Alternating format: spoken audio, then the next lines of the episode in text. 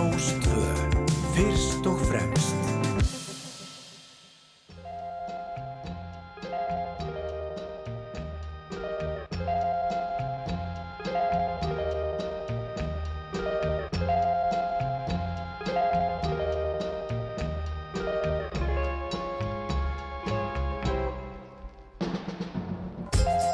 Komið sæla blessuð og velkomin í Sunnundarsögur.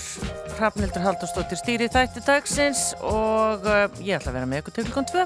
Það tekur Rúnar Róbert Svið en uh, það kemur gestur í Sunnundarsögur eins og alltaf. Og uh, gesturinn minn í dag, hann heiti Gunni Hilmars og hann er bæðið þekktur sem hönnuður, starfa sem frangöndustjóri hjá Kormóki og Skildi og ímislegt fleira. Er síðan tónlistamæður og er auðvitað í Sycamore Tree sem að við ættum nú öll að þekkja vel. Og ég ætla að reykja úr honum gardnirnar hér á eftir. Það verður áhugavert að heyra það. Það er kallt í höfuborgin í dag og já það segir hérna á vef veðurstofunar 10 gráður frost. Það var nú 11 allavega í bílum hjá mér áðan, ég veit ekki hvort er rétt en þetta er allavega alveg nóg. Nógu kallt og eitthvað staðar er nú kaldara heldur en hér í höfuborginni meðal annars uh, í borgarfyrðinum og uh, þannig að þetta er, þetta er svona við kannski kíkjum betur á, á veður horfurnar hér eftir smástund. En við ætlum að byrja á Retro Steffson, þeir eru hér með lag sem að heitir Glow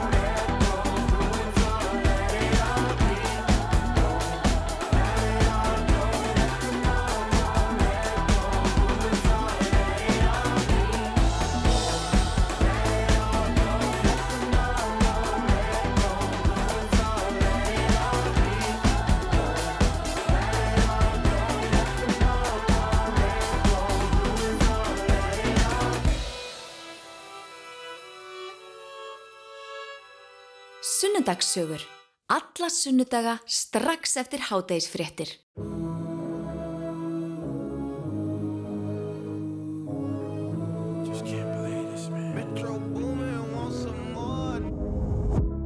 Somebody said they saw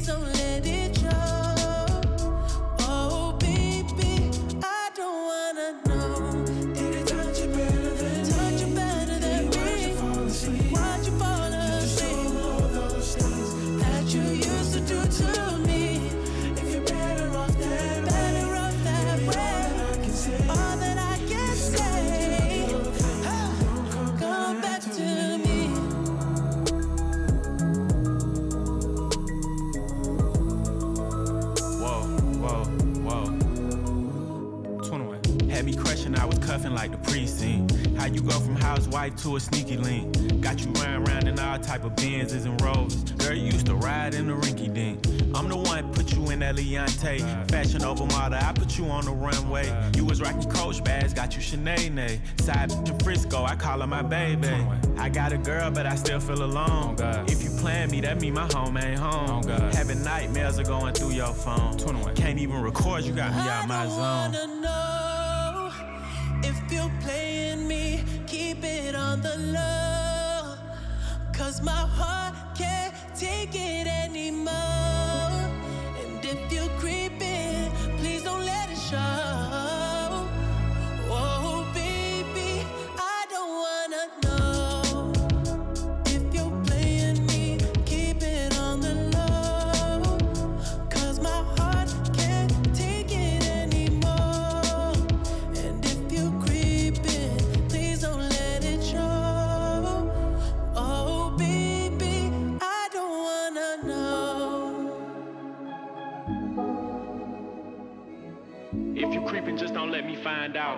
Get a hotel, never bring them to the house. If you're better off that way, baby, all that I can say.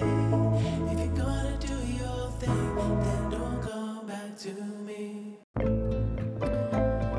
Það er komið að því að eh, fá gestin hér inn í hljóðstofu Gunni Hilmas, hlustum fyrst á hljómsveitinans Sycamore Tree en uh, svo hefjum við spjallið hér eftir smástund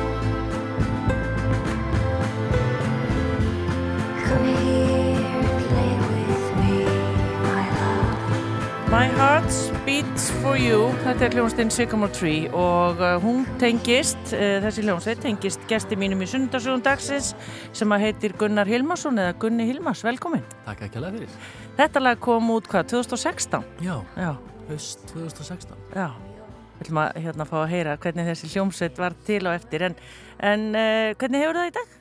Herri, ég er bara góður, svolítið beglaður eftir, eftir langt ferðalega í gær. Já, Tókst einhvern veginn að koma við í fjórum, eða vera í fjórum Evropaborgum. og bara stundum degi. Er það á fjórum, í fjórum borgum? Já, með Reykjavík meðtaldri. Vá, En þetta var svona, fór snemma frá Flórens til Mílanó, Mílanó til Köpmanöfnar og sen til Reykjavíkur. já, já, já. Þannig að maður er svona, ég náði að sopna í, í, hvað, í tveimur lestum og tvennum flugvölum. Já, þú ert orðið, þegar maður er svona vanur þá er maður auðvilt með það. Já, maður sest bara niður og fyrir með möndurina sína og síðan er maður bara að fara nekkvert, sko. Já, Nefnum ég náði að horfa leikinn samt Já ég var um fluginu. að hugsa, mistur þú kannski á honum með það? Nei, var, ég náði sko að horfa, ég var að fara heim í gerkvöldi með Æslandir Já, og hérna ákvörða þegar það voru sex mínútur eftir að datt netið út. Ó, þannig að þú sást ekki vondakablan. Nei, en síðan náði ég að hérna, náði ég að, að hérna, ná í net aftur Já. og náði sem sagt að, að hérna í rúfspilarunum að, að hérna að hann færi ekki beint í rauntíma heldur skrollaði tilbaka og náði að hitta okkur á þannig að ég náði, náði restinni Já, en, hérna, en sá akkurat sko um leiðu ég komst inn á netið eftir og þá sá ég var einmitt viðtal við Aron og ég sá hann var eitthvað brosandi eitthvað og ég hugsaði bara ok, við unnum. Já, en náði samt að fara tilbaka og síðan var þetta náttúrulega bara bömmir sko. já, algjör bömmir og Já. maður sá meðlum í morgun að fólk er búið að reitt og allir ótnir ægileg sérfræðingar í handbólt og svona en við verðum nú bara að gefa Já, séns og- ég held nú bara að Bjart sín hafi verið aðeins svo mikil það fer enginn í, í gegnum svona mót og vinnur ekki neitt og, Nei, og síðan kom bara þessi ungarski markaður þetta er bara déjà vu, hann eðalega líka fyrir okkur já, síðast hann var alveg ótrúlega Já, góður hann far ekki jólakort frá mér Nei, ekki það er alveg á það. En Gunni, þú ert e, Reykjavíkur strákur, eða ekki? Jú, Bara alveg upp á mölinni? Jú, ég get ekkert verið meira töff en það Nei, hvað, hérna, hvað árgir ertu? 71 Og hvað er í Reykjavík? Herðu, bara hérna, handa með hotnið, bara hérna í, í, í felsmólunum, safamirinu og þar sko. Já, já, Bara framara, framara strákur, fættur uppalinn hérna í, í 108. já. Og hvernig var þetta, var, þú hugsað tilbaka?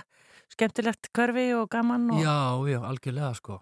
Það var mjög gott að alast upp hérna sko í 8. og 9. Já, áratögnum þegar að, engir, en, ekkert social media var og, og hérna og vinnirni ringdu bara í hvern annan og það voru skil eftir skilabóð og, og svo leis. Já. Þannig að það var frábært að alast upp í þessu hverfi og ég að var mikið í fótbolta og mikið nýri framheimili, alltaf á, á sumrinn og veturnar og, og hérna eignaðist bara ótrúlega stóran og, og góðan vinahóp sem við höldum nú ennþá sambandi sko. já, varstu góður í boltanum?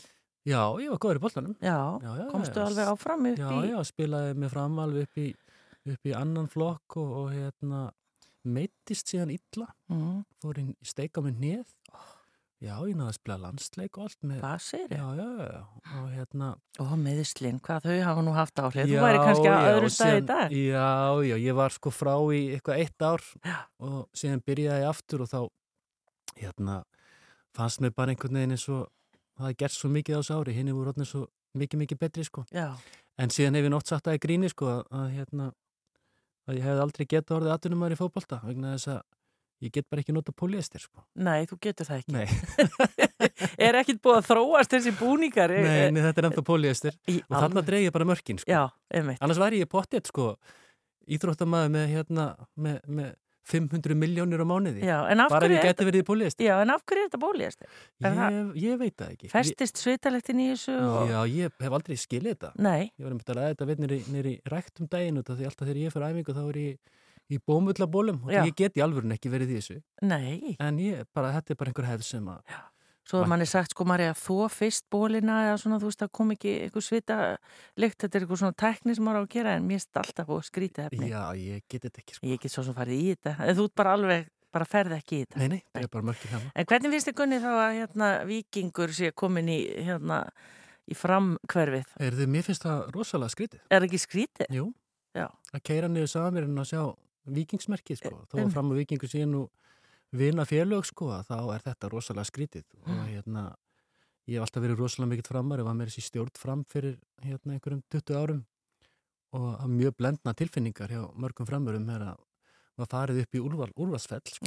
En það var hins vegar sko, þú veist þetta fyrsta sísoni sem fram spilaði þarna öfra var síðast og þetta er alveg nýtt líf, stór og flottu völlur og maður sér að fólk er að koma úr hverfinu og þetta er nýr hópur sko Já, já. það er ekki bara þessi sömu hundra, hundra sem maður sér alltaf andlitin aftur og aftur þannig ég held að þetta sé bara mikið er Já. þetta skrítið Já, sko. þetta er skrítið. en hins vegar er þetta fyrir fram er þetta bara eins og flytjur kallar íbúð í einbýlisús sko. Emmitt, þetta er rosa flott aðstæða. skoða þetta í samhengi sko. Já, já, emmitt. Og þetta eftir nokkur ár eða einhver ár, þá er, talar enginn um þetta lengur. nei, nei, þetta er bara þú veist, eina af þessu breytingum sem að gerast bara í, í, í, í lífi allra og, og í lífi þessa fótboltaklub sko. Já, en við þykir óvandilega mentum fram sko, og maður svona, ég held að margt sem að maður lærði þar sem, sem krakki í sambandi við bara, þú veist, að aga og þjálfun og vera í liði og allt svoleiðis, það, þetta er eitthvað sem bara kendi manni margt sem Já. maður tekur inn í lífið, sko.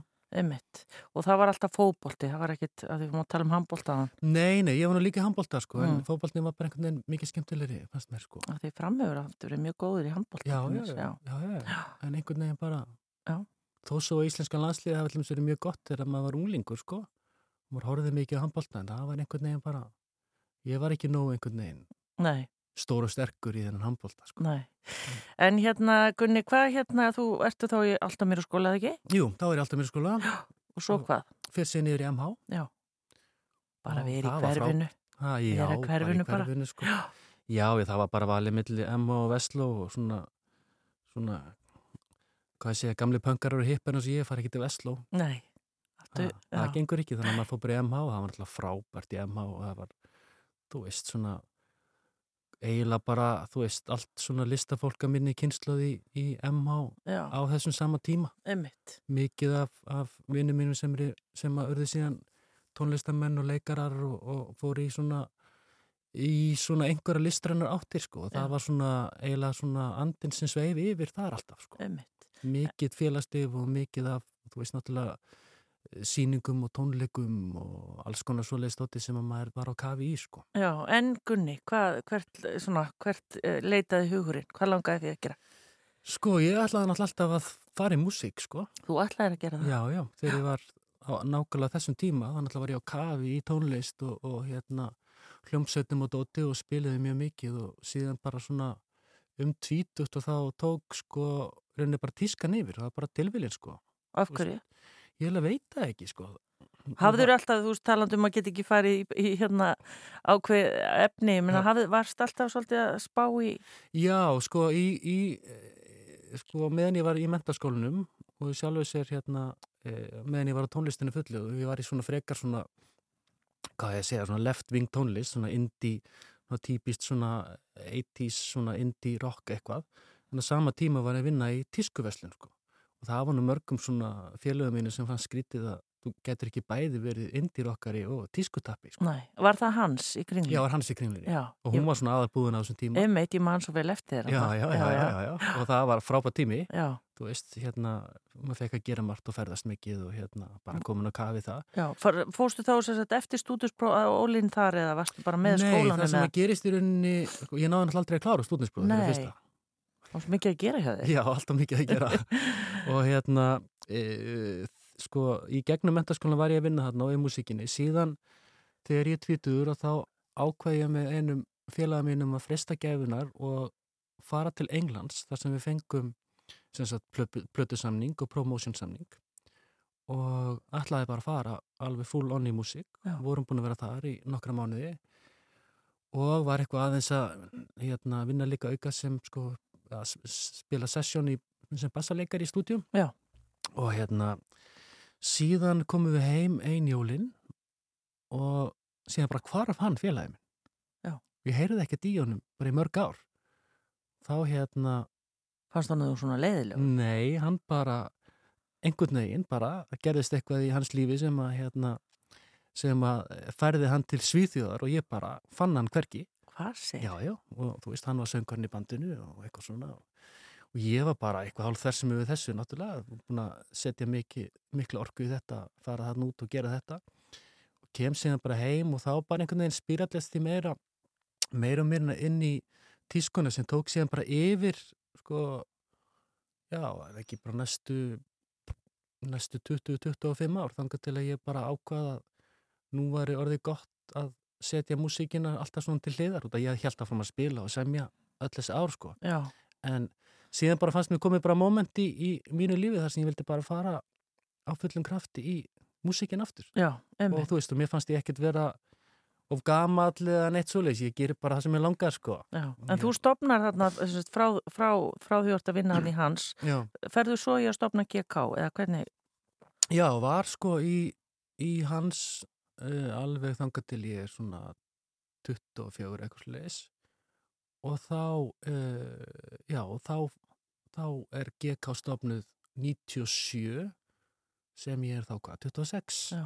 og þá náttúrulega er bara komin á kafi tískuna bara með þú veist, bara myndalitt fyrirtæki og tíu fólks í vinnu og Og það var að hluta til hannað af þér eða ykkur? Já, eða það var hlut til bara hannað, hannað á okkur og var svona megin tilgangurinn í því að búa til einhvern svona, þú veist, einhverja skil utan um það að geta farið hann og það var rosalega ungt fag Á þessum tíma? þessum tíma hérna, sko, Já, og ekki svona margar, þú veist, fyrirmyndir og ekki, engin þekking í sambandi við í sjálfu sér framleiðslu og markasetningu á svona og þetta er svona freka flókið flókið mál að gera, sko já. En ertu, sagt, ertu búin að menta þig eitthvað í hönnun eða Nei, fatahönnun? ekki Þetta neitt er bara ástriðan og... já, ég hef áhugi. pottjett farið í listáskólan Já, ef henni hefði verið til já, einmitt. En hann náttúrulega byrjar ekki, sko, ég held að fyrstu útskriftunar úr LHI hafa verið 2000 eða 2001. Þannig að ég bara misti af því einhvern veginn, sko, Mm sem hefur unni ekki skipt neinu máli, sko. Nei. Hefur lært þetta bara öðruvísi, sko. En ég er sér oft verið inn í skólanum, sko, inn í, upp í LHI, bæða dæma verkefni og taka þátt í ráningum og alls konar, sko. Já, Og náttúrulega verið formaður fatta hönnu og hönnunumist og allt svo leiðis og, og hérna, ekki minn eina mentun, sko. nei. En ég meina, þú veist, getur bara sniðið til mér bara jakka, sestu bara niður og er þetta bara þú kannt þetta allt? Já, já, ég er bara búin að læra þetta allt saman, sko, ekki sjálfur sér sniðagerðina en ég er hins vegar alveg ótrúlega klár í hinum hlutunum á því sem er sko, þú veist, ég get sko, í rauninni er ekki sniðagerð þannig sé mikið gerð í dag innan og er alltaf gerð í vesmöðunum og þar sem að hlutinir eru þar sem allt er líka gratir að stærðum og svo leis Já, og það, ég er mjög sterkur í teknilega hlutunum þar sem að, hérna, ég get freka tekið snið og þú látum mig hafa máltöflu ég skrifa þetta bara allt út og ég get skrifa þetta fyrir því öllum stærðum, sko. og er þetta, þetta er náttúrulega allt gert í tölvu í dag? Já, eða? maður já. tekna bara allt saman í, í, í illustreitar og allt svo leiði sko. En, En- það var sko svona, þú veist, auðvitað hefði verið gott að læra eitthvað eins og þegar ég fekk til dæmis fyrsta almennilega jobbið mitt í útlöndum þá er ég starfsviðtali í Kaupmannahöfn á föstudegi hjá fyrirtæki sem heitir Bestseller sem er Jack and Jones og Vera Móta og allt þetta þriðja stærsta fyrirtæki í, í, hérna, í, í fattabransanum í Evrópu já, og þau, þau ráða mig þarna á staðnum og, föstu degi og, og hérna, síðan er ég á leiðinu út úr atvinni viðtalinu og þá segja þau við mig. Já, síðan er þetta náttúrulega mjög góður á Illustrator og Photoshop og allt þetta, við vinnum algjörlega engungu því, það veit allt rafrænt. Já. Ég alveg, jú, jú, jú, ekkert mál, mjög góður í þessu. Aldrei opnað, ekkert að þessum forritum. Nei, Já, já. Þannig að bara alveg kaldur. alveg kaldur og þurfti að mæta í vinnunu upp á Jótlandi klukkan nýju á, á, á mándagsmótinum, Já. bara ráðinu staðnum. Þannig ég hringdi tvo góða vini mína, grafíska hönnuði og sagði, heyrðu gæs, þið verðið með mér alla helgina að kenna mér þetta. Já. Þannig ég tók þessu mentum bara einn, einn helgi. En þetta finnst mér nú cool. Var, þú er ekki sofið mikið þarna. Nei, það var ekki mikið sofið þessu helgi og, og ég kom nú bara svona slarkfær í þessu en ég lærið þetta bara snögt. Já. En förum aðeins aftur í GK og hjálpa mér að muna. Hvar Já. var aftur búðin? Búðum var fyrst að lögu við 66 Einmitt. og hérna, og síðan var opnað henni í kringlu líka, hvernbúðin. Og hérna... Og var þetta þannig að sagt, hluti af vörunum voru saumaðar og hannaðar hér? Voruð líka með það? Hvernig? Já, já, síðan vorum við bara með svona úrval af í rauninni bara bestu vörumerkjunni sem við fundum, sko. Já. Og það er, þú veist, gekk að opna þarna hjá 97 og það búið að vera rosalega svona ládeiða í nýjum búðum í langan tíma og rosalega einslett, Já. einslett svona úrvali, sko. Já. Og það hafði til dæmis ekki opnuð held ég bara almennileg búð á lögavenum í tíu ár og það kringlan hafði opnað einhverjum tíu árum áður Einmitt. og það dætti engum heilvita að fara að opna búð á laugunum á þessu tíma það var búið að úrskurða laugavegin látin mörgum sinni Já, hugsaði hvað þessu umræði er búin að vera oft ég í gangi. veit og alltaf sama, sama Já. umræðan. Og síðan bara opnum við hana ansi myndalega búð þarna laugavi 66 og það er engin svona búð sérst áður svona stór og minimalísk búð þar sem að hérna var hugsað um hvert smáatriði allt frá sko merkingum yfir vörumerki yfir í, yfir í tónlist og upplifin og eitthvað svona dót. Og þetta var svona ég man alltaf þetta, það var svona nánast eins og fólk þarði bara ekki að fara þar inn fyrst um sinn sko. Nei, það Það var bara svona eitthvað listasafn. Já, þetta var listasafn, þetta var kölluð ísbúðinn og eitthvað svona en síðan einhvern veginn bara held ég og ég ætlum bara einhvern veginn að taka svolítið það kredit sko að að eftir að þessi búð opnaði þá fór að spretta í kringum okkur á löguvinum aðra búður og búðir sem hefði verið fyrir bæði bænum og kringlunni og þú veist, uppgreituðu þessi líka menn sem við kannski, þú veist, þú veist, mér langaði bara að þessi búð yrði bara á svona mælikvarða sem maður hafði inspirerast sjálfur af búðum í Evrópu, sko. Já, einmitt. Og þetta er líka hægt þegar þú ert svona ungur og óhættur, sko. Já. Þá bara ert ekki að pæla í þessu, sko. En gekk þetta alltaf, var þetta barningur eða hvernig? Já, sko, þetta gekk í rauninni, þetta gekk í rauninni mjög vel, en auðvitað er náttúrulega mjög þungt, þú veist, svona ungt fólk að, að hérna, með allt þetta fólki vinnu og reka þetta og fjármögnan og allt svoleiði, sko. Já, og svo bara þess að fáur ræður hérna að kaupa föt, ekki eins og já. komnir allir þessi rauninni, já, en í rauninni gekk náttúrulega bara mjög vel, sko. Já. Það gerði það, sko. Já. En, þú veist, bara svakalur lærdómur og, og hérna, og svona mikil eldskýrt, sko. Já. Eða taka eitthvað hérna, umræðin um lögavegin, Hva, hvernig finnst þér þetta í dag? Ég Sko, mér finnst, sko, já, lögverun er, hefur alltaf verið svona fórnalamb slæmrar umræðu bara eiginlega frá því kringlan opnaði. Og bæði finnst mér oft, sko, kaupmenn sjálfur innan hópsins tala oft lögveginn niður og meðan að borgin sjálfur er reyna að tala hann upp og alla breytingar sem er verið að gera sem hafa nú oft verið samt misgáfulegar hafa svona mætt oft mikill mótstöðu og, og það er þetta, um, þessi umræða allt um að sé engin bílastæði og allt þetta sem er bara ekki rétt, mm Mhm. veist, það eru bílastæðishús út um allt já, og, fólki finnst sko í góðu lagi að, að hérna, segja bara inn í kringlu að leggja niður í að haku upp og lappa síðan í fimm mínútur í búð sem er allt annars staðar í húsinu einmitt. þú veist, þú lappar aldrei eins langt á löguveginu með að að komast í einhverju búð Nei. eins og þú þarfst að gera til dæmis í, í mólunum sko. Já, já. En, en bara, hvað finnst þér þá með eins og Vestlan? Ég fór nú einmitt sjálf þetta núna bara í vikunni. Uh, það, það er einhvern veginn búið að vera svolítið svona stöðuleiki núna en, en þetta er- þetta eru örfá búðir, til dæmis ef við tökum bara fatabúðir. Já, heldur betur. Það er náttúrulega, COVID tók rosalegt, var rosalegt högg fyrir lögavegin og lögavegur er nú öll uppbygging bara almennt í þessu landi hefur verið byggðið kringum túrisma. Já. Þú veist, allir þessi nýju veitingastæðir og nýju hótel og alls konar menningastarfsemi og allar þessar búður, allt þetta og það verið kerðar áfram náttúrulega á túristunum og, og veltunni sem að þeir koma með. Já, og um leið og þetta allt saman dettur út að þá kemur algjört algjört stopp í þessu hluti. Mm. og náttúrulega blandan á löguvinu var náttúrulega orðin alveg hrikaleg sko. þú veist það voru 80% búin á löguvinu voru lundabúðir. Já, og leiga hafði á sama tíma hækkað sko allavega tvöfalt og einu aðaldin sem er unni gátti borgað leigu voru aðalar sem voru vesla með túristafuru með, með góðri álægningu í dýrum plássum sko. Þannig allt í einu kemur bara COVID og bara alveg rosalegt frost og, og bærin er enn að jafna sig eftir þetta. já. En finnst þér, ef myndir, ef allt gengi vel og svona, hvernig, hvað finnst þér vanta? Myndi, við, Það vantar náttúrulega fyrsta lagi sko mikið meira af góðum húsnaði með lögvegin. já, Ef þú tekur til dæmis lappa lögveginum og horfir, hérna, horfir bara öll húsin, það er, það er nú ekki mörg frábær vestlunarpláss á lögveginum. Það eru mörg hús sem eru bara þyrti bæði að, þú veist, annarkort að laga bara fullkomlega eða, eða rífa eða gera eitthvað. mhm, En hins vegar þú ferðlum sem svo hverfiskötunni sem búin mikil uppbygging þar og skólaverustíðin til dæmis sem er mikið heillegri sem gata en ekki alveg af sterk vestunugata.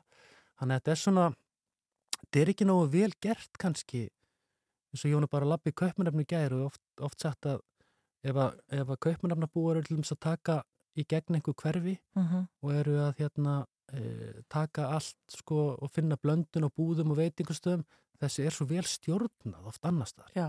en hérna er þetta svona Svona alltaf handáfskent þetta alltaf. er handahófskent já.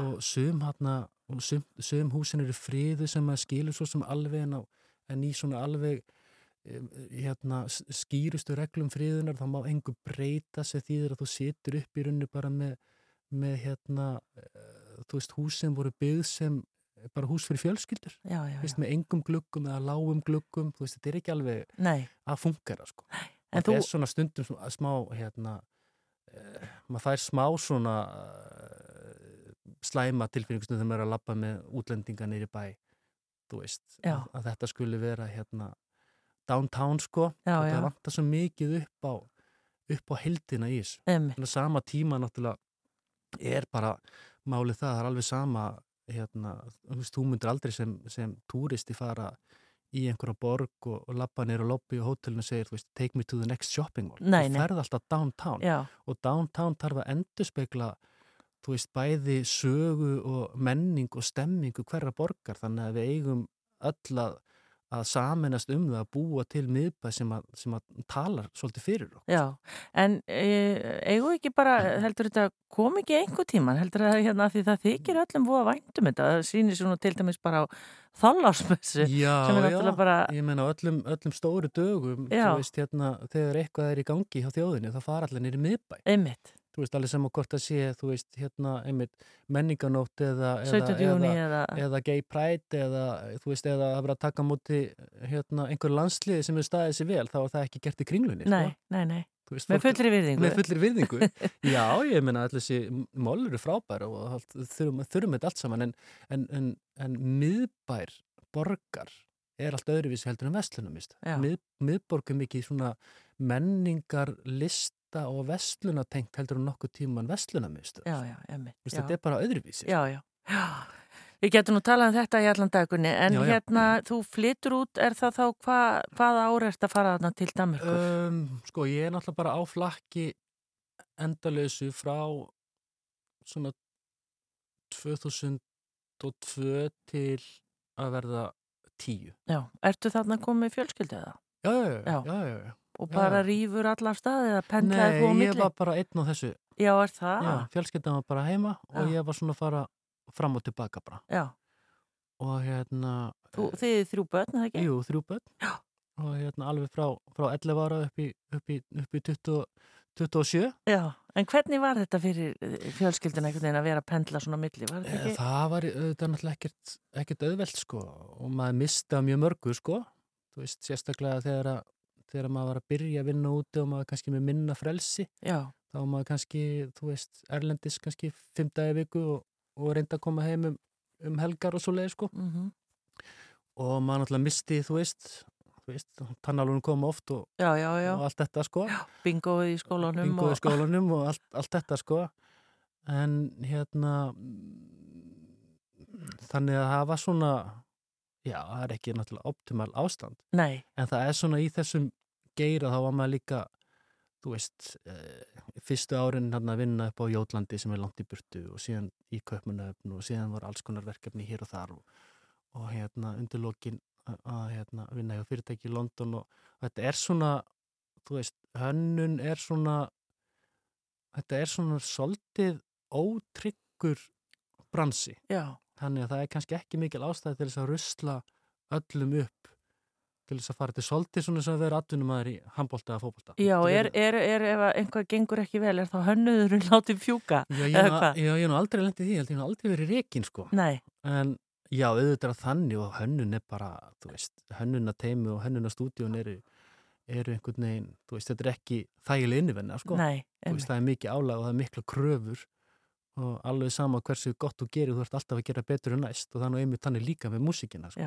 Og allar held ég, allar listsköpun, sko. Að það er einhvern veginn að þú gerir eitthvað sem er gott og þá er bara alltaf þess að þú gerir enn betur á morgun, sko já, já, já, það er svona, þetta er mjög vissju sko, hvernig, hvernig öll svona þessi, þetta, þessi, þessi skapandi greinar hérna, einhvern veginn taka taka margt af þér sko, í, í ferlinu sko. En hvað hérna, þannig að þú þekki London, Kaupmannahöfn og núna varstu til með svo Ítalíu, Já, ertu bara, er þetta, þekkir allar þessar borgir út og inn, eða hvað? já, ég ger það. Já, ég náttúrulega, í gegnum árin fengið tækifæri til þess að ferðast bara eiginlega út um allt sko. Já, einu staðin sem ég ekki ekki kannski farið mikið til og langar eins og Suður-Amerika og ekki mikið Austur-Európa en við ætlum mjög mikið Európi, Bandaríkjunum og öllum þessum löndum sko. já. Hvað hérna, hver er heimsborgin í tísku? Myndur, er þetta að segja það? Um, það er góð spurning. Ég meina París er náttúrulega Alltaf talað um það. alltaf að Eða tala um Milano það og ég herra, ég herra bransanum er, er sko, þetta ég kem alltaf að hvori tveggja sko. Já. Ég herra er náttúrulega Milano og Flórens þar sem ég var í vikunni sko. Já. Um, sem er svona svolítið hjarta þar þar sem að herra síningarnar eru, eru, eru yfirleitt sko gerðar. Þannig að það er svona, já, ég myndi segja París og Milano. Já, einmitt. En Gunni, hvað ertu þá að gera í dag? Eða sem sagt, já, þú bara ert þarna, pendlar þarna í öll þessi ár. Já, núna sko núna er ég náttúrulega í nokkrum verkefnum Já, en má kannski segja að, að stæðstu verkefnin er þau svona sem að maður hefur gefið mestan tíma þessa dagana, það hefur náttúrulega verið það sem ég verið að gera hjá Kormókiskildi já. Og hvað er það? sko uh, ég fór já það er alveg einhver, það er ekki margir sem vita af því, út af ég hef alltaf verið baku tjöldin sko Já, ég, veistu, ég vissi ekki þú verður að vinna nei, þar. Nei, ég hef bara búin að vera þar sko í það er 11 ár núna Já, ok. en fyrstu árin var það í rauninni var ég bara algjörlega á hlýðalínu var bara í rauninni bara hanna sem sagt herralínuna. Og það var í rauninni bara sko ég settist bara niður með koma og skildi já þarna fyrir 11 árum. Út af því að þá hefði ég nánast engungu verið að í kvennfattamegin í einhver þrjú-fjúur ár og ég bara saknaði þess að gera herraföld Já. þannig að ég bara sest niður með þeim og hérna og ákveði að vera bara svona hliðalínni þar og bara í rauninni bara fyrir fönnið sko. Það var hérna hérna uh, ekki sko peningana vegna. Það var bara út af, út af því að ég saknaði þess að vera í, í herrafötunum Já. og það er bara svo góð gildi hjá þessi fyrirtæki, hlutnir er svona gerðir hægt og menn drekka svolítið að kaffi og já, þú veist, og meðan hraðin hinum inn í kvennfötum er svo mikill að þá var bara verið að eigða heilu mótnanum þarna bara í að velja tölur og fóður og eitthvað svona sem ég hef ekki gett lengi sko. og síðan eftir einhver ára því og þá náttúrulega óks línan jaft og þjætt og allt saman bara mm, óks mjög vel. Og síðan fyrir held ég alls ekki þrjú ár síðan að þá bara ákvæði að fara mikið dýbra í vinnuna þar. Já, og tók að mér að vera framkvæmstjóri og á sama tíma að stækka og styrkja línuna og síðan hefur verið að opna nýjar búðir og raunir bara algjörlega að blása til sóknar með það vörumerki. já, er það ekki, þið voru nýjastæði núna í, í kefla, eða ekki? Jú, jú, það har alltaf verið hérna flugstöðun og síðan er það hver að gerði og inn í Einmitt. Geysi Haugadal og Reykjadalnum og alls konar plön í gangi þar sko. Já, og náttúrulega búið að, að styrkja það konsept verulega og það er búið að vera mjög skemmtilegt. Og svo búð á laugaveginum, og svo búið á laugaveginu, Já, að sjálfsög og það er sko, þetta er 26 ára gamalt fyrirtæki og, og það er kannski verið að brjóta allar reglur vestlunamennsku, það sem að er búið í kjallar á laugaveginu einmitt. og það er sko, þú þarf nánast sko eins og fyrir túrista þarftu bara að vera með bílað Google Maps til að finna þetta sko. Það er nánast hannig Já, og síðan voru við að taka það skref bara núna í vikunni að hérna að sína fyrstu Kormóks skjaldalínuna á tískuvikunni Flórens já, hvenar er hún? hún var bara núna í vikunni sko Hún var Þannig núna. þannig að við vorum bara að því núna ég Já. og Kormókur skjaldur erum búin að vera þar alla vikuna Já, en, en er þetta efni, þetta er, er þetta saumað í útlöndum eða hvernig? Já, já, þetta er sveimað í útlöndum Já. um, þetta er sem sagt línan er byggð sko, þetta er unni bara, bara stóra myndalið fatalína en hjartað í henni er náttúrulega íslenska tvítið eða vaðmálið Já. sem er náttúrulega efni sem erum búin að vera með þróun mörg, mörg ár Já. og það var nú vakti svaka aðtegli hérna á Ítalíu Já. fólk finnst mjög skrítið að sé komið eitthvað annað heldur en skost tvít Og þetta er semst úr ull, eða, bara íslensk ull þetta er íslensku ull. Já, bara ull sem er bara söfnið saman hér og, og, og þau eigin og búið til hérna ullaband eftir kunstarnareglum Já, og hérna og síðan sendum við þetta til Austuríkis þar sem þetta er síðan ofið í tvítið. Það er Já. ekki til sko tækni þekking eða tækni búnaður hér til þess að til þess að, í rauninni að vefa tvítið í metravís. Við getum bara gert allan undirbúningin og gert allt efnið íslenskt. Og síðan fer þetta yfir til Ítalíu þegar það búið að vefa þetta og fer í svona eftir á meðhöndlun til þess að ná því aðeins mýgra og aðeins þéttara. já. Þannig að úrverður alveg heimsklassa tvít sko. Vá, en er tweet, tweet, tweet, er þetta bara eitthvað sem að hefur alltaf verið, þú veist? Já, hann er bara saga tvítsins er sko, eða vaðmálsins eins og við viljum frekar kalla það sko, í, er sko, þú veist, Íslendingar hafa náttúrulega orðið hérna í gegnum aldirnar, náttúrulega alltaf þurft að nýta íslensku kindina alveg hérna, upp til agna sko, þú veist, náttúrulega, Sviðið. já, já, sviðið, já, einmitt og allt það sko, og síðan náttúrulega, hérna, var í rauninni búið til það sem að kalla vaðmál á sínum tíma, þar sem að ullin er tekin, hún er spunnin, þannig að hún verði af, af þræði og síðan var þetta handgert hér. Og við vorum alltaf að nota vaðmálið til sem gjaldmiðil við, út, við útlönd. Við vorum að kaupa sigur og alkohól og allt þetta sem við framleiðum ekki hér Já, og gjaldmiðlin var oft tvítið. Þess vegna er til dæmis eins og að tala um að komast í álnir, það er náttúrulega bara, það er vaðmál, sko. Já, það er í, hérna, sá sem átti mikið að tvíti, hann var ríkur, sko. já, já. Þessi íslenska krónan var jafn handóni þá og neyri dag, sko, þannig að menn voru bara að skiptast á, á, á efnum og vörum, sko. Já, en hvað hefur íslenska öllin til dæmis þegar hún er komin í tvítið öðruvísi heldur en, Sko, hún er aðeins mýgri já, og þó ó- þótt ótrúlega með virðast, ég hef komin í tvítið, já, en hún er líka rosalega sterk. já, hún er sterk. Já. Og hérna er bara öðru vísi, svo til dæmis við reyndum að, að fara í samstarfi með, Harris Tweet í Skotlandi og, og hérna þeir ætla, þeim vantar öll líka, að þá hérna lendu þeir til dæmis í því þeir gátt ekki nota sömu aðferðir við, við framleyslu og tvíti á íslensku öllinni og á sinni skosku. Mm Mhm. Íslensku öllin hagaði sér allt öðruvísi. En ég hef alltaf heyrt að hún væri svo hörð íslenska, er það ekki? Já, hún er það í grunninn sko, en síðan er þetta að vinna hana Já, Þannig að lopabandi er hart en við förum aðeins aðra leiðir sko. já, Og þetta var rosa þróun að, að finna út af þessu sko. já. Og voru allir gapandi þarna í Ítalíu bara? Já, já, fengur frábæra viðtökur.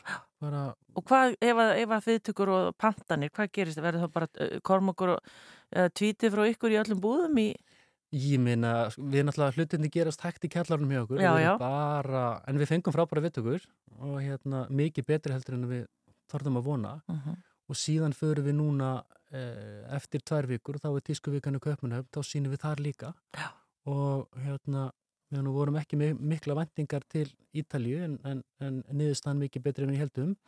En við erum alveg með sæmilega vendingar til, til tískuvíkunar Kaupmannhöfn. Og er þetta svona dreigill og allir sitja hann alveg við og Já, þetta er sko, þetta er rauninni bara svona vörusýningar. Já, já, já, já. Sem að svona, ekki tísku, ekki svona... nei, nei. Já, þú veist, jú, það er líka, en við gerum það ekki strax. Nei. Við erum meira bara að vera bara með flottan bás þar sem við, hérna, þú veist, bara sínum okkar heim og reynum að inspirera aðra og síðan erum við bara með allar línurnar hangandi og, og síðan eru bara innköpamenn frá allir Skandinavi og koma og, og hitta okkur og, og hérna, og síðan eru við, hérna, já, bara koma þessi í búðir hér og þar, sko. Já, áhugavert, við geta Já. eitt öllum tímanum í að tala um þetta. Já, en svo ertu er- líka, býtu, já, Já, já. Ég ætla ekki að taka þér orðið. Já, og síðan er þetta bara, þú veist, þetta er ferðlega svo langt, þetta er svo flókið, sko. Já, þannig að það verður gaman, að- gaman að sjá Já, en við ætlum að sína líka þessa línu hönnunum að já, frábært. Fylgist, já.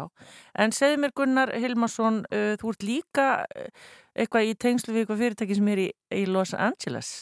já, emmitt, hérna Já, það er eitthvað já, já, já, já, ég tók að mér það er hún hérna Dita Fontís hérna börlesk drottning Já, náttúrulega he- heimsfræg manneskja og mikið svona style icon já. bara eiginlega þekkja hana langt flestir Mm. sem sagt ég sjanghæðast í það verkefni að vera það sem kallast brandmanager. Á merki sem er verið að setja markaði núna næsta haust og búið að vera í tvö ári undirbúningi. Útlendingarnir þeir, þeir, þeir hugsa sko í, í meiri undirbúningsárum meðan Íslandingar hafa þrjá mánu í undirbúning þá er fólk í útlöndum með, með, með 23 ár sko. Já, og það er rosalega metnaði full lína sem að hérna, verið kynnt núna næsta, næsta haust og er gerð út frá Vínaborg já, já. sem er frábæra borg líka ég er búin að vera svolítið þar Og, Og- hvernig föt eru þetta?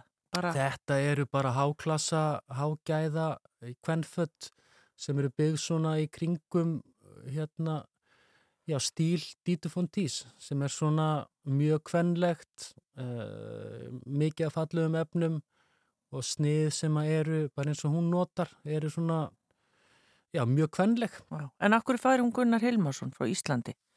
Já, það var í gegnum fyrirtæki í Vín sem að bara já, fannst ég vera réttum aðurinn í djópið sko. Já. Og svo ert í alls konar öðru stjórnum hér og þar og nú erum við ekki byrjuð að tala um tónlistina. Sko. Nei, Ha? Já, ég bara hef einhvern veginn alltaf farið svona í í þetta. Ég er rosalegur áhuga maður um svona um svona heldina einhvern veginn og, og hérna finnst voðalega gaman að vinna í, í hópum og reyna reyna að leggja eitthvað að mörgum og breyta einhverju til ef að ef að eitthvað þarf að gera sko. Þannig að maður svona, já, þetta er eins og, þetta er eins og einhver sagði við mig, ef það er húsfélag þá vil ég endilega vera formaður, sko. Sem ég nennir bæði vegi ekki, en, en er svona í saminginu, sko. já, já. Gunnar Hilmarsson, uh, já, ég segi bara allt múli maður er gestur minn í sundarsögum, við ætlum að fá nokkru auðlýsingar og eitt lag með hljónstina hans sem heitir Colors, en heyrjumst mig og mig ekki ræði að spila tónlist en við skulum heyra hérna smávís og, og hérna heldur smá að fara með þetta smástund. I will wait until until my heart is whole to give myself to you. Out on the limb for you, right on the edge of it all, all through the thick and thin. All of life's colors, colors fade to love. Colors, colors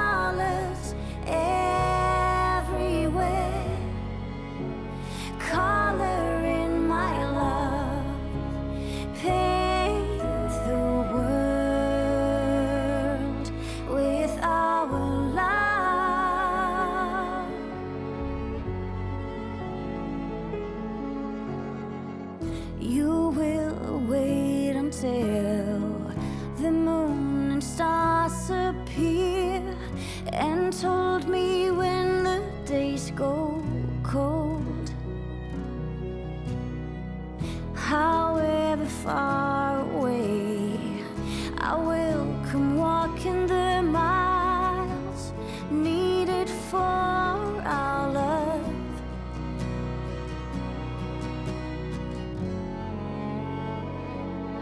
All of life's colors, colors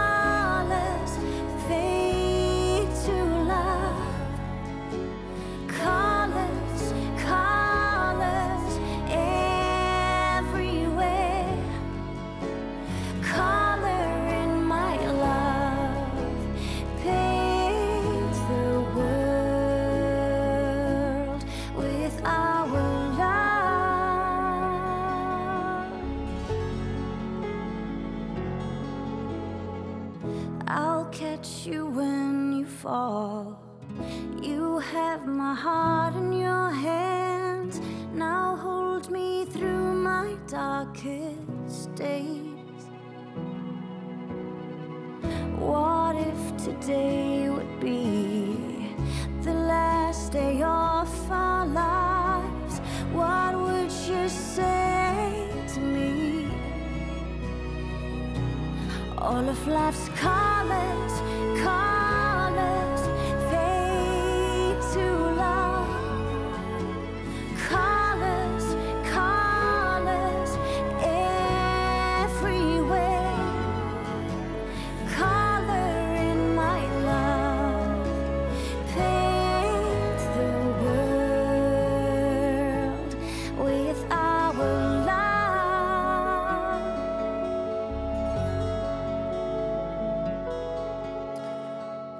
Gunni, þetta er alveg ótrúlega fallegt lag sem þú samtir hérna, Colors Já, og samt flott sönguna, samt þetta með honum Arnari Guðjóns. Já, það er ekki oft sem að ég hef sami með öðrum Nei, en Arnar er svona einn af okkar aðalmönnum einmitt. og afar ánægilegt sko. Já, er þitt hljóðfæri, er það, Það er gítar. það er gítar Já. og svo kanntu líka bassa. Já, já, bassi, jú. Það er bara allt svona, allt strengja eitthvað sko. Já, já, ég, er ekki, ég er ekki góður á píanóið. Nei, Ég er að reyna að læra það já, en hérna, en gítarinn er bara alltaf í, alltaf nálagt sko. já, Það er bara mikil næring og jörði í að spila. Það er bara eitthvað sem að gefa mér alveg svakalega mikið. já, tekur þú þá gítari með eða þú ert að fara eitthvað, Sko stundum, já, en venjulega ekki. nei, Mér fá, frí sko. Mm, svolítið erfitt kannski alltaf að vera með gítartöskuna. Já, en samt ég á eitt svona lítinn sem að Já, ég hendi stundum á bakið. Ef ég er að fara eitthvað, ef ég er einn sko, já, sem ég er neitt að ferðast í gegn tíðin alveg svakalega mikið einn og verið rosalega mikið einn með sjálfum mér já, og þá hefur stundum verið gott en ég hef ekki alveg verið nógu duglegur í því, þannig séð sko. nei. En Gunni, ertu svona að spila í partíum og svona?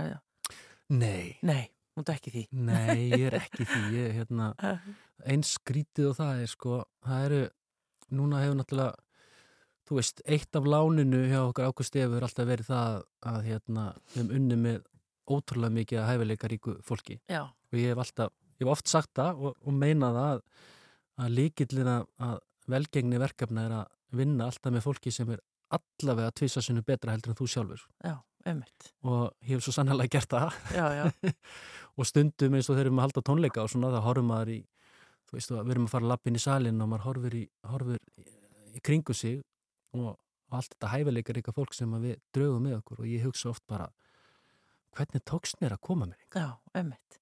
Tökum aðeins það á eftir, svona hvernig þú, þú kemur tilbaka svona og ákveður að taka tónlistana aðeins fastar í tökum. Mm. Þú varst hérna hjá okkur í síðdeis útarpinu fyrir ekki löngu síðan þegar vorum Mhm. að vera málefni svona Já. voru til umræðu og það Já. er náttúrulega eins og núnum helgina var ákveð að hafa hérna húsin gistiskílin opina því að það er bara svo kallt og Já, manni finnst þessi umræða svo skrítin einhvern veginn, já, Já, það verður opið um helgina já, en svo skilur maður þetta líka, það vantar peninga og allt það, en af hverju tengist þetta þér, segiru? Sko máur minn, hann Loftur Gunnars, hann hérna, ég ætla að kynnist honum bara þegar hann er lítistrákur Já. og hérna sé hann bara fara sinn veg sko og síðan deyr hann 2012 og ég hafði nú verið svona, ég er náttúrulega náinn honum og sé svona við hvaða aðbúnað hann bjó og hvaða úrræði voru til og svo leiðis. Og það eru hvað mörg ár síðan?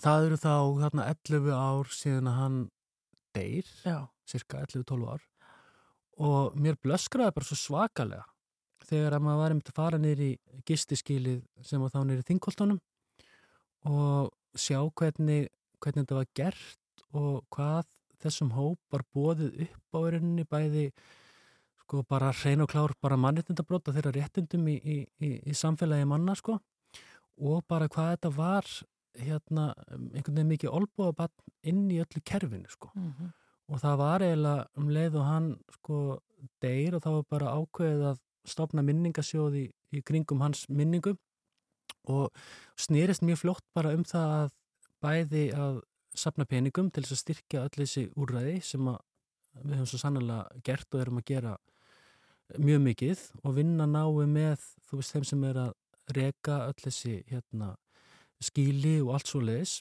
og þetta var bara svo ömurlegt að sjá þetta vegna þess að, að skíli sem var þá þarna niður í þingoltunum var í rauninni bara í bestafalli bara einhver rottukofi sko.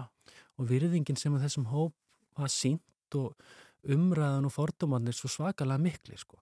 hvað, og svo erum við enda hann í dag? Já, en samt sko, svona, ef maður rósa líka sko, að þá er, þú veist, ef maður fer kannski þessi 11-12 ára aftur í tíman og skoðar sögun, sögun í dag, þú veist, þá er, eru komið fleiri úrræði og það er, þú veist, þetta er orðið mikið manneskjulegra og sam, samfélagið í heldi mikið opnar í þetta samtal núna. Það var engin að tala um þetta þá, sko. Og ég held að hluti af því er líka bara hvað við erum búin að tala mikið. Já. Og þú veist, og hvað, hérna, allir í kringum þessa hópa og verkefni, þú veist, Rauðukrossin og frú Ragnir og allt þetta, og þú veist, það er endarist verið að tala um þetta í fjölmjörnum vegna þess að þetta er Þetta er, þetta er bara fólk, við erum öll fólk og þetta er bara fólk eins og ég og þú sem er lenda bara á þessum stað í lífinu og það er einhvern veginn bara þannig að, að hérna, veist, þetta er alltaf sama sagan. Ég hef verið að vinna í frú Ragnæðibílnum og fólki sem þú hittir, þetta eru, þetta eru brotnu krakkarnir sem að lenda í einhverju, sem verða, verða brotnu fullotnu fólki og það er engin skilningur og það er engin aðstóð í rauninni ferlinu. Þetta er svolítið eins og, þú veist, allir aðaldni sem að koma að þessum hópum eh, koma einhvern veginn að brennandi húsi, það er engin að hugsa um grunninn, sko. Mhm. Að grípa krakkana sem að augljóslega er á vondum stað, hjálpa þeim, gefa þeim, hérna, sálfræði meðferð, koma þeim í gegnum nám og svo leiðis. Ég hef í alvörunni í, sko, íslensku samfélagi í dag, ég hef hitt fólk í bílnum og það sem skilur þennan hóp mjög, mjög vel og skilur hvaðan þau eru að koma sko, Já, að það eru til einstaklingar á Íslandi í dag sem eru kannski 40-50 ára sem kunni ekki eins og lesa Já. krakkar sem einhvern veginn bara flosnuð upp úr skólakerfinu og einhvern veginn allir horfa bara til hliðar og fólk sem á bara mismunandi hérna, tækifæri í lífinu og fólk náttúrulega sem er að glíma við alls konar hérna kvilla, sálfræðilega og líkamlega og, og aðstöðulega og allt svo leiðis og það er bara, við þurfum að skoða þetta í, í mikið starra samhengi.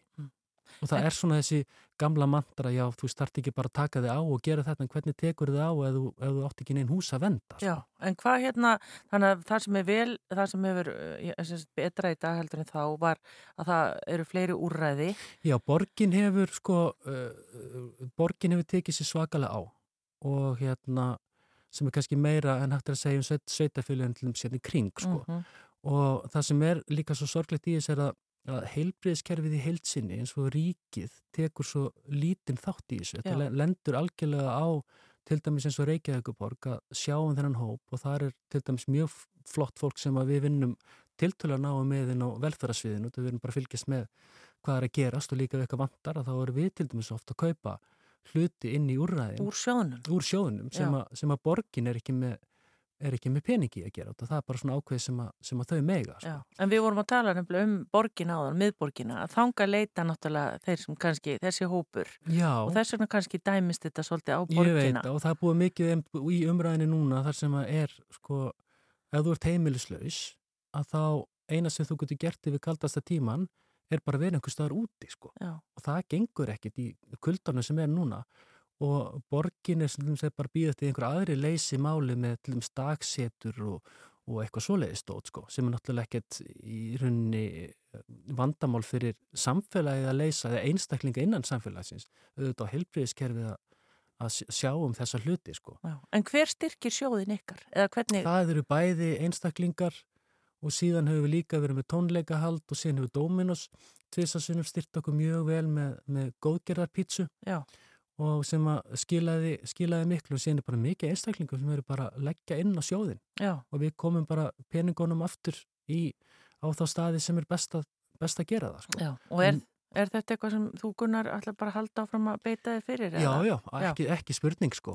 Og, og hérna ég held bara að, að þú veist, við þurfum bara öll að hugsa hugsa þannig að, að þú veist, þeir sem er í þessum hóp, þetta er bara fólk sem að veist, á, þetta eru, þetta eru sinir og, og, og, og, og systur og feður og, og hérna, og mæður einhverja, skilur einmitt. og þetta er svona hópur sem að þú veist, við viljum bara einhvern veginn helst ekki vita af og þjónusta mjög illa, sko Hvað Þannig að er- þetta er sko mikið stærri mynd. sko. Já, já, einmitt. En hvað ert að gera til dæmis hjá hérna frú Ragnæði? Hvað ef þú tekur vaktir þar? Já, þá er ég bara það sem kalla sjálfbóðaliði í bílnum og þá er mitt hlutverk að, að, hérna, að í rauninni vera hlut af, af samtals, samtalinu við hópin sem kemur inn í bílinn. Á bílinnum er alltaf bílstjóri og síðan einhver sem er hérna, sem sagt, með hérna, annarkor tjúgrónafæðingur eða læknir, einhver sem, sem sagt, getur séð um, um hérna, faglega hlutan af læknistjónustunni sem er veitt í bílnum og síðan er það einhver sem að, eins og ég sem er þarna inni til aðstofar og er raunin í samtalinu. Við erum að bæði að gefa hérna að útdela mat og re- reynum hérna sprautubúnaði og læknistjónustu og líka bara svona mónitur hópin og reyna ef að eitthvað er að, ef við sjáum eitthvað að reyna að koma fólki þá á þá staði sem við vitum að, að geti fengið þjónustu á og reyna svona einhverjum tilfellum að opna einhverjar hurðar Mm. hér og þar sko.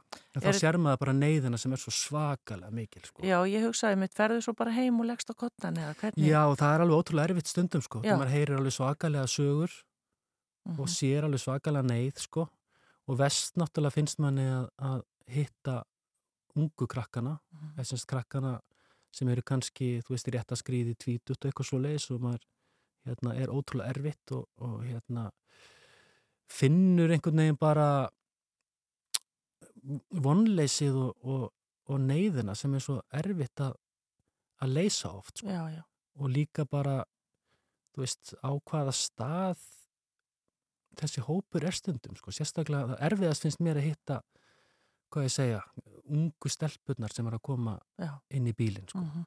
Þegar maður veit, sko, ef við tölum bara algjörlega íslensku, sko, þá vitum við nákvæmlega við hvað aðstæðar þær stundum búa, sko. Einmitt, er að vissulega hús að venda en það er ekkert alltaf góð hús, sko. Nei, nei, nei. Og það er svona, og þá finnum maður, sko, það vantar svo mikinn grunn oft, veist, þetta eru einstaklingar sem koma úr óstöðu umhverfi og hafa svona ekki kannski alveg sterkar lappi til að standa á og er svona, það, það sem ég sé mest í þessu, það er einhvern veginn heldin, þú getur aldrei tekið einstakling, ein, einhvern veginn að tekið stöðu tjekka honum bara nákvæmlega hér og nú aðeins að skilja hvaðan hann kemur, sko. Nei. Ég finnst þetta ótrúlega göfugt og bara frábært hjá þér Gunni að leggja þessu lið. Já, mér finnst það bara, uh, þú veist, að það er svo mikilvægt að tala um þetta. Einmitt. Út af því að við verðum að skilja út af hverju, út af hverju svona hlutir gerast og, og átt okkur á því að, að einstaklingar sem fara á hennan stað, skömmin er ekki þeirra, hún er okkar hinna Já, og það er kerfið og aðstæðna sem við búum til og þetta svona að hætta að horfa til hliður og vilja ekki ræða um erfiðu málinn út af því að við vitum ekki hvernig á að díla við þau. Sko. já, já, veist, það er okkar hlutverk sem samfélag, við erum ríkt samfélag og við teljum okkur vera góð hjarta samfélag en þegar það kemur á nokkru málum og það er náttúrulega eru viðkvæma hóparnir og það eru gamla fólkið og öryrkjarnir og allt svo leiðis, þá erum við bara ekkert nógu góð. Nei, sko. nei, nei. Veist, það er ekki, þú veist, við erum bara ekki nógu góð. Við eigum að gera mikið, mikið, mikið betur og við erum að eigða allt of litlum pening í þessi máluminu vegna þess að það er alveg á algjör staðreind. Svona fyrirmyndin í þessum málum er til dæmis finnarnir, hvernig þeir gera þetta. Það er löngu, ef, ef fólk vil tala um peninga bara, að þá er mikið, mikið ódýrari fyrir okkur sem samfélag að reyna að aðstofa fólk og bjarga þeim og koma í aðra aðstæður heldur en að hafa þau sko, heimilislaus eða vergangi eða jaðar, jaðasetta einstaklingar sem þurfa bara einfalla aðstóð. Þeir eru mikið dýrari fyrir samfélagið okkar á þeim stað Mhm. heldur en að hjálpa. Ég sé það á þér Gunni að þú brennur fyrir þetta málefni Mhm. algjörlega. Uh, síðustu mínúturnar ætlum að tala um tónlistina. Þú sagðir áðan, ég bara einhvern veginn varð að bara snúa mér aftur og taka þetta aðeins föst, fastari tökum. Já, ég átti bara eftir að gera þetta. Áttur þú bara fulla skúfu af tónlist? Eða Já. Já. Eða skáp? Já, ég átti það. Já. Og einhvern veginn, og síðan þegar að þegar við byrjum, byrjum síðan að vinna að þessu og þá er, er sko í rauninni móttökurna það hvetjandi að þá einhvern veginn bara fór ég bara meir og meir í það að gefa mig tíma til þess að semja og spila og tala ekki um eftir að byrjum að spila mikið á tónleikum og gefa meira út og við fundum móttökurnar að þá fannst mér það einhvern veginn allt þess virði að eigða miklum tíma í þetta. Já. Þetta er líka svo ótrúlega gefandi. Sko. Já, hverju heitir þetta Sycamore Tree?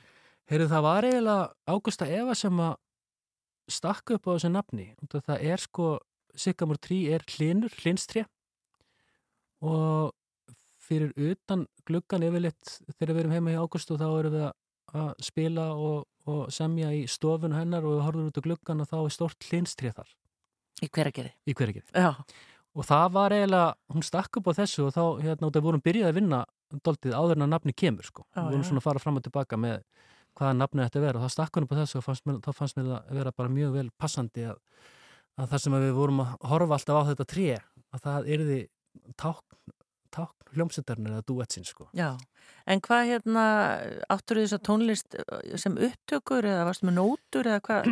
Nei, ég bara vinn þetta eiginlega bara síman sko. Já, Þú veist, ég bara sem og sem og sem og tek upp hérna allt inn á síman minn bara til þess að gleymi ekki og það er mjög gleymin sko já, og tek þetta bara upp þar og síðan þegar kannski eru komin 5 eða 10 lögu bunkan þá hérna hittust við Ágústa og vinnum hvert lag fyrir sig og finnum svona hvert á að fara með það klárum, klárum textana saman og hérna og svona ákveðum hvað við ætlum að gera hverju sinni en við eigum alveg ótrúlega lager af tónlist já. En af hverju sem eru á, eru textanir á ennsku? Það er eitthvað? Já, einhvern veginn bara þú veist, það er bara mikið fleiri sem tala einsku Já. Og er, það, er verið að spila þetta í útlöndum alveg? Já, já, það er verið að því og við náttúrulega erum með alls konar plönum að reyna að, að koma okkur eitthvað aðeins sérstaklega á Skandinavi Já. okkur langar að fara að spila spila meira þar og, og reyna allavega mitt svona minn metnaður með Sikkamór 3 er að, að byggja upp hérna, hvað ég segja, brand á Skandinavíu með, með tónlistina, það væri gaman að geta geta farið nokkri sem ári og túraði um Skandinavi og lifaði að því ágætis lífi já, frábært. og, Já, já, ég til okkur alveg geta það. Ég meni við höfum, við höfum allavega eins og, eins og einhver sagði það er alveg sama sko, þú er að vera tilbúin fyrir hvað sem er þegar þú gerir eitthvað eins berskjaldað á tónlist en um leið þú gerir það að hjarta og metnaði og veist að allavega gæðin á framleiðslinni er góð og þá getur þú tekið allir í gaggrinni en einhvern veginn bara, síðan hefur þetta já, bara stækkað hægt, hægt og rólega, það er náttúrulega mjög gaman að vinna með Ágústu, hún er náttúrulega hérna, mikill listamæður og ólíkinda tól Já, og hérna og einhvern veginn, við höfum bara að passa saman og orðin svona hálkir, sískin í, í, í tónlistinni. í tónlistinni sko. en hérna og svo eh, þú ert á svona sýningum og kynna tvítið, Já. þá ekki að lau, lauma tónlistin eitthvað í leiðinni, getur það ekki? Já, ég er nú ekki mikið að blanda því saman sko. Nei, en en ég menna veit fólk út í heimi að, já, er- já, já, að þú ert á kafi í tónlist? já, já, já, Já. já, já, fólk veit það alveg og hérna og já, já, tengir þetta allt saman saman og í mínum huga er sko þú veist að, að gera plötu eða fatalínu er nákvæmlega sama ferlið sko Já. þú veist, þetta er einhver hugmynd sem að sem þú týnir saman og þú ert búin að sjá eitthvað fyrir einhvern heim, þú veist, í, í tískun er það, þú veist, eitthvað útlit og í músíkin er það einhver ákveðin hljóðheimur og einhver, á, einhver áferð og eitthvað svoleiðis og síðan bara vinnur það skipulega þangað til að varan er tilbúin sko. Já, og við höfum gert það einmitt þannig með plöturna sem við höfum gert og næsta plata líka. Veist, hver, hver plata er konsept og, og svona eitthvað ákveð einhver stemming sem við erum búin að setja okkur. Já.